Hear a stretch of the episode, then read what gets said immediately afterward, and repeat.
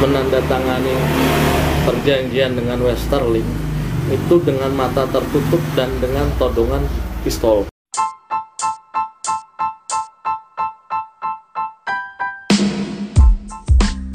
Halo balik lagi bareng saya Ramadan MK podcaster tanya sejarah di obrolan bincang santai tentang sejarah. Nah eh, kali ini seri podcast kali ini saya akan ngebahas tentang sosok Sultan Hamid II. Nah mungkin eh, para sobat podcast tanya sejarah ada yang masih belum paham atau belum tahu baru mungkin baru mengenal juga nama sosok Sultan Hamid II. Nah seperti se- siapa siapa sih beliau ini? Ini yang akan kita obrolin di podcast eh, seri podcast kali ini. Sosok Sultan Hamid ini Sultan Hamid II ini beliau adalah sosok penting di balik lahirnya lambang Garuda Pancasila. Kenapa beliau sangat penting? Karena beliaulah yang merancang lambang Garuda yang sekarang fisiknya kita bisa lihat sekarang itu. Jadi pada tahun 1950 beliau ditunjuk oleh Presiden Soekarno untuk merancang eh, lambang Garuda Pancasila itu. Tapi sebelum itu eh, sosok Sultan Hamid II ini pada tahun 1949, nah ya tepatnya 1949, beliau pernah juga menjabat sebagai Menteri Zonder Portofolio Republik Indonesia Serikat waktu itu. Nah itu eh, sedikit informasi soal sosok Sultan Hamid II. Hari ini eh, saya sudah kedatangan tamu. Nah, memang temanya kita akan mengupas atau mengulik sisi lain atau ya sisi lain dari sosok Sultan Hamid II. Eh, nah, kebetulan hari ini saya sudah kedatangan tamu. Beliau adalah salah satu kerabat dari Sultan Hamid II. Beliau adalah Bung Zulfahri. Halo, Pak. Saya ini saya panggil Mas Fahri. Mas Fahri ya, oke. Halo Mas Fahri, apa kabar Mas Fahri? Baik, alhamdulillah sehat. Kita tes dulu ya, PSBB. Gimana ini kabarnya selama PSBB ini? Iya, alhamdulillah banyak kegiatan yang positif, banyak membantu tenaga medis, banyak melakukan kegiatan sosial. Ya, alhamdulillah bisa bertemu dengan Mas Ramadan MK ini. Terima kasih. Nah, nah, ini kan kita mau ngebahas soal Sultan Hamid II. Nah, uh, jadi para sobat podcast tanya sejarah kan belum banyak yang tahu sisi sisi lain lah kisah-kisah dari sosok Sultan Hamid II ya kebetulan belakangan ini juga lagi ramai juga uh, tentang Iya. sosok Sultan Hamid II begitu. Nah, saya ingin mengorek uh, apa sisi kehidupan dari sosok Sultan Hamid yang mungkin tidak terekspos oleh sejarah. Nah mungkin uh, Mas Fahri bisa nyeritain lah berbagi cerita tentang Jadi, seperti apa sih sosok Sultan ya, jadi Hamid begini, II. Mas Ramadan. Iya. Saya tidak mengenal langsung beliau, Ah, ah. tapi eh, kebetulan ibu saya Iya. eh, pernah mengenal sosok beliau yang sepengetahuan saya dan cerita ibu saya meninggal pada tahun 1974. Ah, Ibu saya itu lahir 1955. Eh, kebetulan ibu saya itu waktu sekolah SMP Iya. Be- itu Beliau siapa namanya? Ibu. ibu ibu saya itu Aniswasti Kautari. Oke. Nah, beliau itu suka bermain atau sering ke rumah eh, Opa Sultan Hamid Oh, itu. manggilnya Opa ya? Iya, ibu saya manggilnya Opa. Sultan Hamid itu di Jalan eh, Panglima Polim. Ah, ah.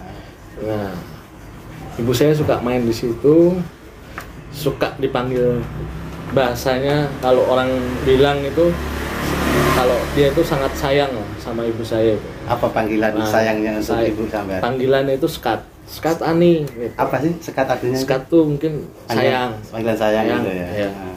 Nah, setelah itu ibu saya ada satu peristiwa yang ibu saya eh, sangat ingat gitu. Satu eh, di beliau pernah waktu dalam pelajaran sekolah sejarah itu dibilang bahwa Sultan Hamid itu bersekutu eh, dengan Westerling untuk memberontak dengan dengan nama APRA ya, Angkatan Perang Ratu Adil. Iya, iya. Nah, tapi eh, ibu saya itu sambil berjalan dari sekolah ya, kalau nggak salah ibu saya itu sekolah di Yasporbi, Hmm. masih masih dulu kan jalan kaki dari Yaspor, Yasporbi ke Panglima Polim ya dianggap deket lah, Iya, iya. gitu kan. Dia nangis sampai ke tempat Opa, dia bilang Opa dibilang pengkhianat bangsa. nah opa bilang sini saya jelaskan Anis kata nih saya itu bukan berkhianat saya itu menandatangani perjanjian dengan Westerling itu dengan mata tertutup dan dengan todongan pistol Oke. jadi saya tidak tahu apa yang terjadi setelah itu Gitu. Nah satu lagi Itu usia berapa ibu waktu itu?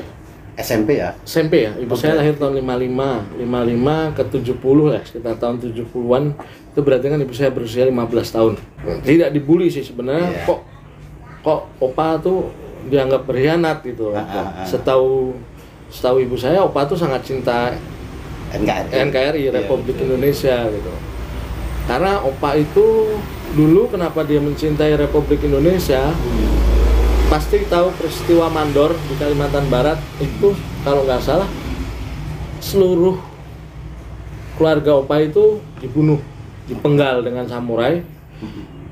Eh, karena Opa itu selamat karena Opa itu lagi pendidikan militer di Breda. Militer Belanda di Breda gitu. Nah, terus Opa juga si setahu ibu saya Opa tuh sangat bersahabat banyak orang-orang Breda yang sering main ke rumah Opa. Mhm. Tahun 70 itu banyak orang-orang Belanda ke situ, dikenalkan lah. Opa sangat pintar bahasa Belandanya. Dia juga bisa bahasa Arab itu. Uh, jadi fasih sekali namanya berbahasa tiga bahasa lah Indonesia eh, Belanda sama Arab Opa itu seingat saya cuman Opa itu punya seingat saya dan cerita ibu saya Opa itu punya anjing besar.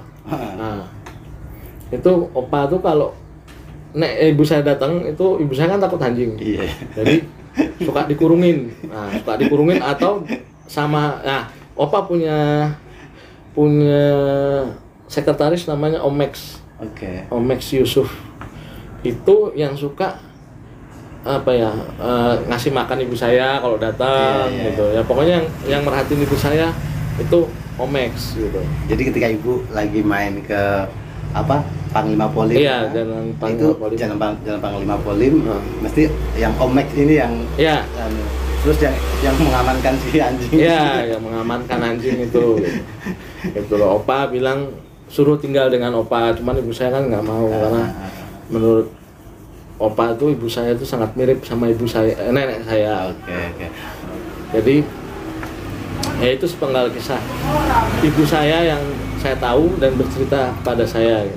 Nah kebetulan sangat disayangkan saya lihat berita Omex itu meninggal di 2019 Innalillahi. Nah, jadi ibu saya itu sangat pengen ketemu Omex, Omex Yusuf. Karena sering banget eh, ke Panglima Polim Omex yang suka ngopenin lah kalau bang bilang Jawa ya, suka ngasih makan, suka ngasih uang saku juga. Pada gitu. Ya, itu. Oh jadi Omex ini statusnya apa uh, beliau ini? Dia itu Ada- kalau nggak salah Sultan sekretaris pribadi. Hamid. Oh sektrinya Pak Iya. Sultan Hamid Iya. II ya. Ah. Oke. oke. Nah, kebetulan lagi Opa itu orangnya taat ibadah, walaupun Mm-mm. dia punya anjing apa apa dia Iya, taat iya. ibadah. Ya mungkin Hanafi kan. Ya, satu. Terus Hanafi. dia suka suka bercerita tentang kapak Belanda itu seperti apa. Itu pada ibu ya? Ya, apa itu Jepang dan dia jujur saja sangat dendam dengan Jepang karena eh, keluarga beliau dibunuh seluruhnya kesultanan oleh Jepang pada peristiwa Mandor. Tahu kalau nggak salah itu 1944 atau 43 lupa saya sekitar segitu. Tapi Mas Fahri sendiri nggak pernah ya lang- bertatap muka langsung dengan Sultan Hamid. Paling yang yang tahu benar-benar interaksi langsung dengan ibu ya. Iya, Kalau Mas Fahri sendiri nggak? belum pernah, Belum, belum, belum pernah karena kan saya juga lahirnya setelah su- opa meninggal kan gitu. Cuman di antara anak ibu saya, saudara ibu saya itu yang paling disayang, yang ngerti kisahnya opa Hamid ini ya ibu saya gitu. Oke. Karena menurut opa ibu saya adalah orang yang paling mirip dengan nenek saya gitu kan. Karena sayang gitu opa. Nah, sepenggal kisah ada mungkin dan ini cerita ibu saya Ya, ya. dan sudah ibu saya pernah ke istana eh, Kesultanan Pontianak untuk mencari tahu apakah nenek saya pernah tinggal di sana. Hmm. Nah, nenek saya itu eh, namanya Dewi Sarifah, eh Sarifah Dewi Fatimah, gitu. Dan kita sudah ngecek ke ibu saya sudah ke istana Kalimantan Barat. Nah, memang ada kamar ibu saya di situ. Ibu saya pernah tinggal di Kesultanan itu. Nenek lah ya. Ya, nenek saya maaf, nenek saya pernah tinggal di Kesultanan itu. Ya, itulah kenapa kita berkerabat dengan Sultan Hamid II. Oke oke.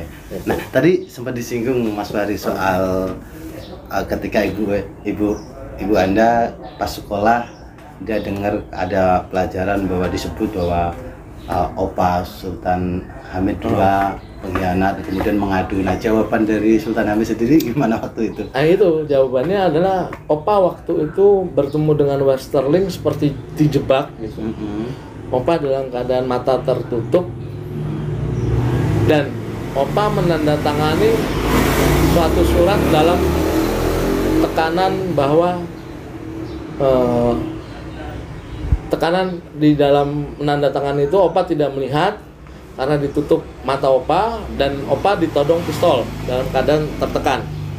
Gitu loh. Jadi Opa tidak mengerti apa isi yang Opa tanda tangani itu itu.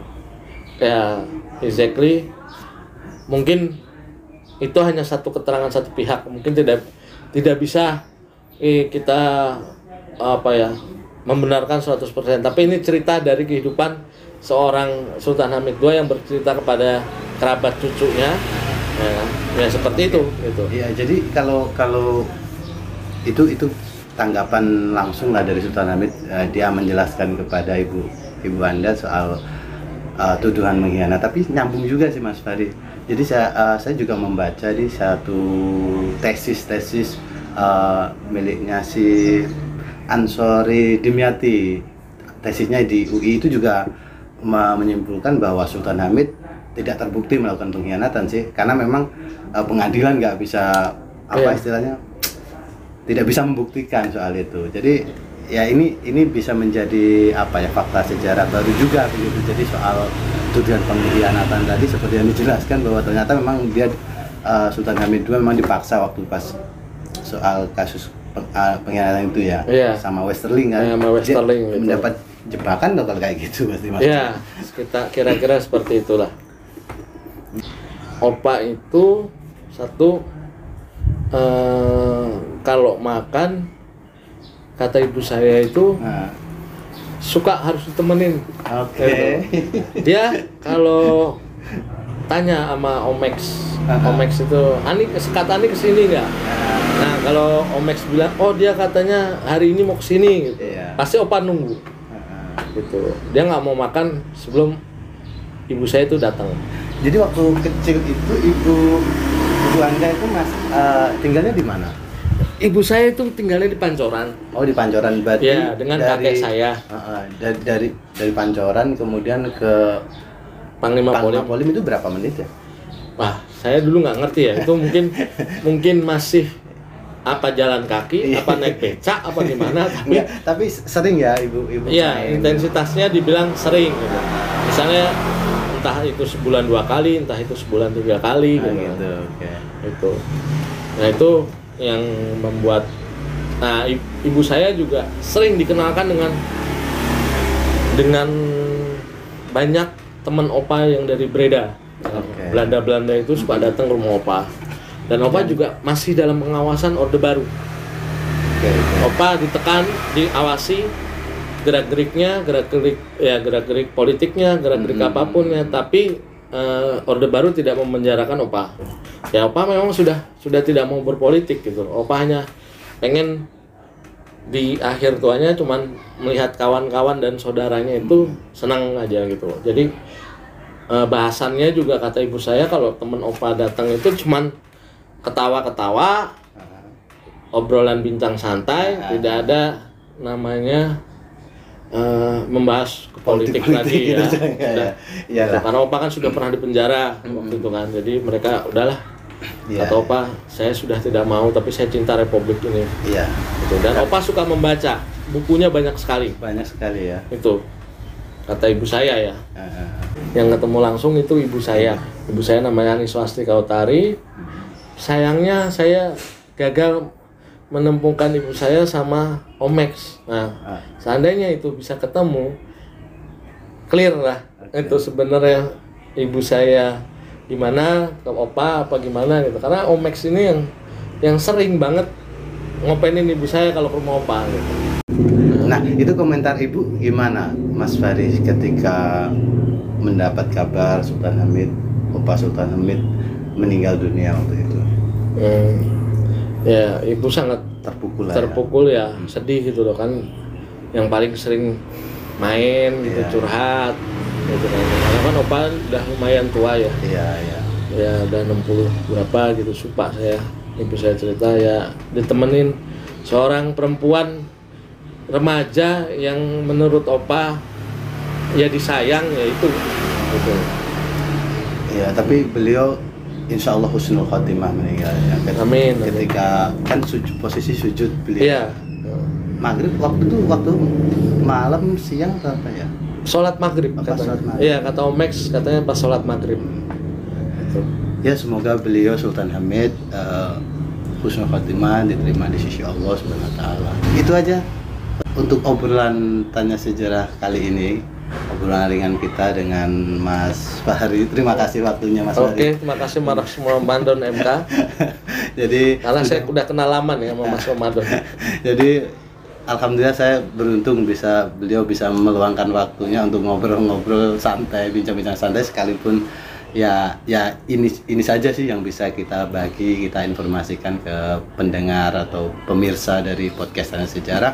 Semoga bisa menambah satu hasanah wawasan baru lah. Ada Eh, closing ada sih. statement atau gimana? closing yang- statement saya sebelum ini saya mungkin tutup. Mas Ramadan ngulik ini Iya. mungkin karena ada kontroversi tentang eh, Opa Sultan Hamid itu dijadikan pahlawan nasional. Iya betul. Gimana? Nah, pesan saya sih cuman Opa itu sangat cinta NKRI. Iya. Semua itu keputusan yang membuat keputusan presiden tentang eh, siapa yang menjadi pahlawan nasional itu ada presiden. Tapi eh, saya eh, memberi garis tengah saja, memberi garis bawah, garis bawah bahwa Opa itu bukan pengkhianat bangsa. Karena saya dapat cerita itu dari ibu saya yang yang terucap dari opa saya, gitu. bahwa dia eh, menandatangani eh, suatu perjanjian dengan Westerling itu dalam keadaan mata tertutup dan dalam todongan senjata pistol, gitu.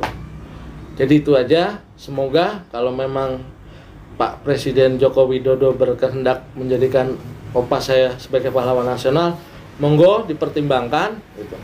Saya sebagai kerabatnya sangat berterima kasih kalau sampai eh, opa Sultan Hamid II diberikan gelar pahlawan nasional. Ya, semoga Bapak Presiden Joko Widodo mendengar uh, podcast ini dan melihat podcast ini kan itu. Terima kasih Mas Wari. Oh, iya. Kita tos dulu, oke. Oke. Bye bye dulu dengan dengan sampai jumpa di Sampai podcast jumpa di podcast Ramadan MK. selanjutnya. Oke, see you, bye bye.